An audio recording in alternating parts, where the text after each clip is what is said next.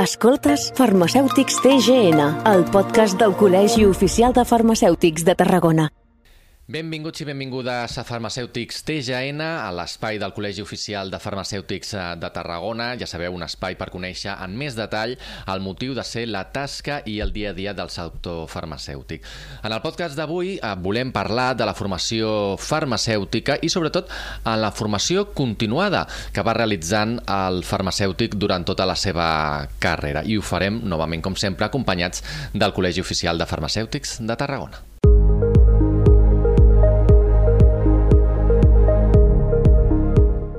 Volem descobrir quin és el camí que segueix un farmacèutic, una farmacèutica, per estar actualitzat en tot moment. Avui ens acompanya i saludem a la Dolors Andreu, vocal de docència del Col·legi Oficial de Farmacèutics de Tarragona. Benvinguda. Hola, gràcies, molt bon dia. Uh, un dels objectius prioritaris, no?, uh, ho comentàvem, és uh, que el col·legi uh, doncs, uh, imparteixi i garanteixi una formació, una formació continuada. Uh, en què consisteix i quina importància és que sigui així? Uh, bé, la, els farmacèutics pertenecem al món sanitari sanitari, el món sanitari és un món que va actualitzant-se i evolucionant dia a dia.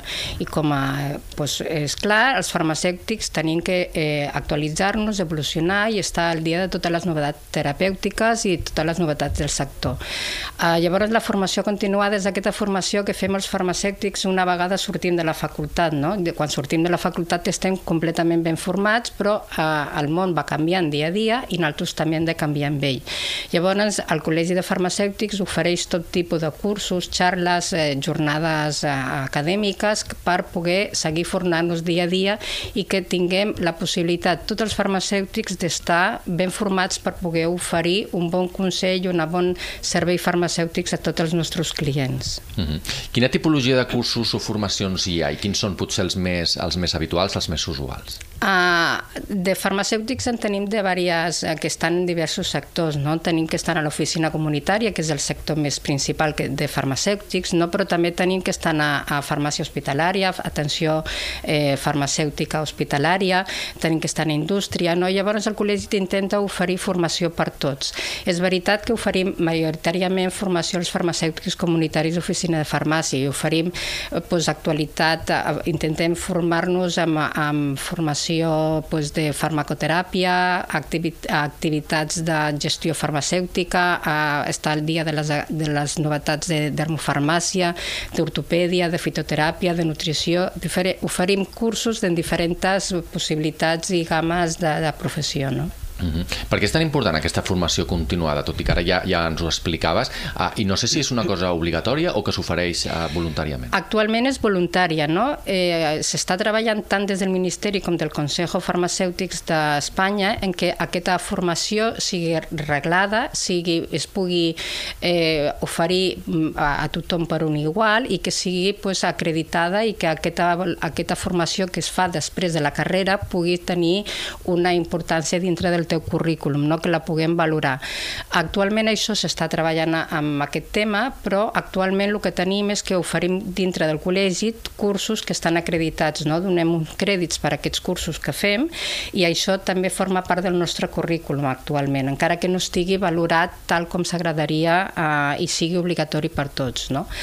Oferim cursos, actualment han fet cursos en eh, actualització en farmacoteràpia, estem ara preparant un curs de gestió de farmàcia perquè tenim s'han trobat que teníem moltes uh, farmacèutics que havien a, a, a arribat a la, nova forma, a la nova professió, que eren nous, i llavors uh, estem oferint això.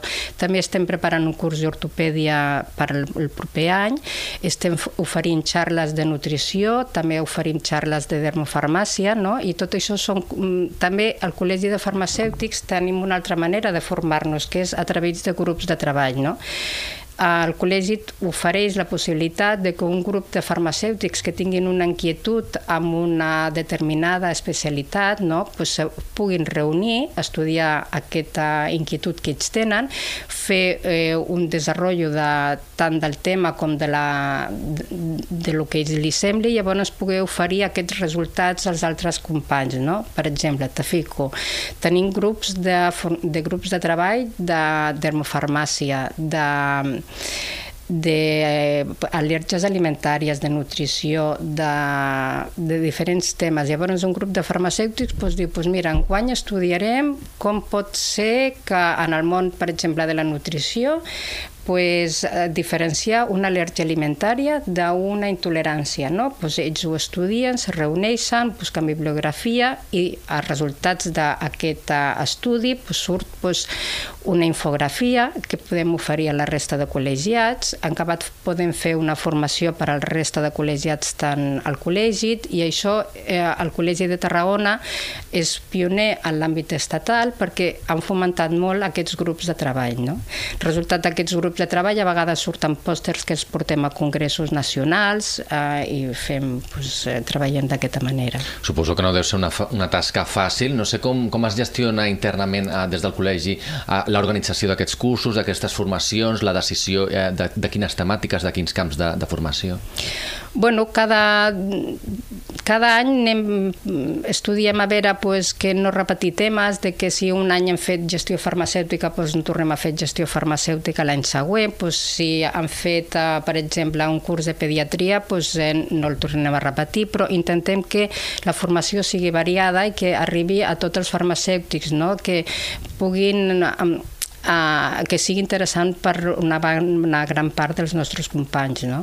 Llavors tenim una organització interna dintre del col·legi, tenim un, un, un, una farmacèutica que està davant de, de la, aquesta part del col·legi, també tenim un equip de, dintre del, de la Junta, també tenim una comissió de docència que no només ho decideix una persona si fem aquest curs, sinó pues, es fiquem en comú, fiquem els pros i contres de quin curs aniria bé i llavors decidim entre tots eh, els cursos que podem fer.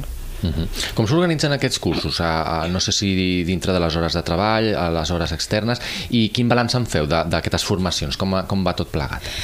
Uh, és cert que abans el món amb la pandèmia s'ha canviat molt i abans de la pandèmia tot fèiem pues, formacions presencials que les fèiem al migdia de dos i mitja a quatre i mitja la pandèmia es va trasbalsar la vida per tots i per nosaltres també. No? I llavors vam veure que uh, fer les formacions presencials era inviable totalment durant la pandèmia i vam decidir pues, crear una plataforma de formació online. No? Aquesta pla plataforma de formació online la vam ficar en marxa ràpidament i ja durant la pandèmia vam poder oferir a tots els nostres col·legiats, doncs, vam poder seguir amb les formacions que teníem preparades. No? Això que ha comportat? Pues això ha comportat de que al final el Col·legi de Farmacèutics té que poder oferir aquesta formació a, a tota la província de Tarragona. No? I llavors es, es trobaven que és veritat que els, les farmacèutics que estan a prop de la ciutat de Tarragona tenien un avantatge perquè tenien poca distància. D'aquesta manera es trobem de que la, els companys que estan a una distància d'una hora poden accedir a una formació que abans poder era més incòmoda i requeria un esforç més gran per ells. No? Actualment podem oferir des del col·legi formacions que tant les fem presencials com aquesta mateixa formació la podem oferir um, online directe al mateix moment. No? I això permet de que arribem a més companys. No? I tant de la manera que sigui directa en aquell moment, com a vegades aquestes formacions també es queden gravades i també les tenim dintre de la pàgina web del col·legi. No? Això s'ha permet pues, arribar a molt més companys i aquesta formació pues, eh, arribi més a tots. És aquelles coses que, que sempre doncs, destaquem, no? de, de la part negativa de la pandèmia doncs, també sempre ha tret en aquest sentit una part positiva i de fet la pandèmia doncs, també és un clar exemple no? de la necessitat d'actualitzar-se, de formar-se en nous camps, en nous en nous estudis.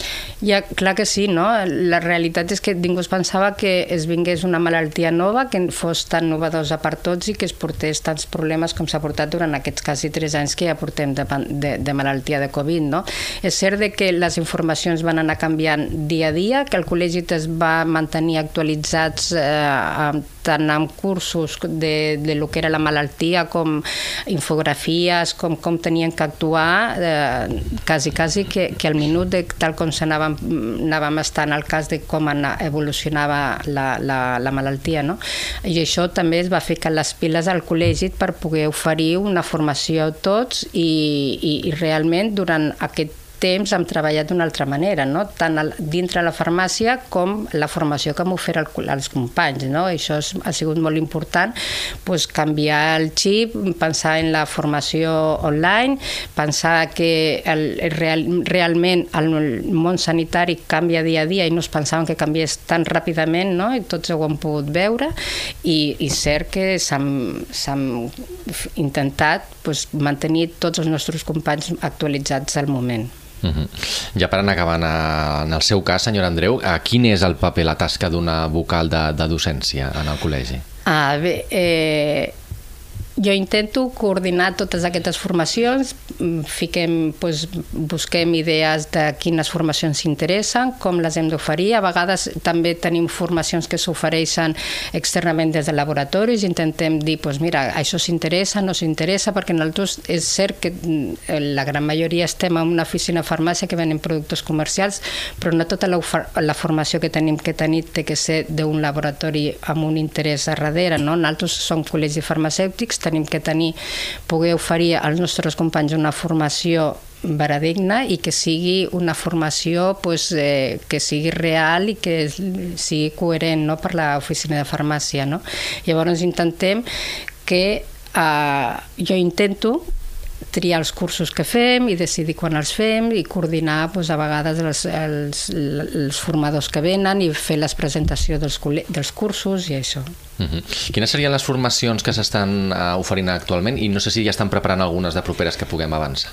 Sí, mira, actualment estem fent una actualització en farmacoteràpia estem durant aquest trimestre, ara te parlo d'aquest últim trimestre uh. -huh. que estem al 2022. Eh, també tenim una formació en nutrició amb llets infantils i, i llets infantils però que són ja especials per nens que ja són al·lèrgics, no? una actualització amb, amb llets infantils, amb fórmules hipoalergèniques. Tenim un curs de gestió farmacèutica que durarà sis sessions, que comencem la setmana que ve, aquestes sessions duren dues hores cada dia i això comença la setmana que ve. Sí.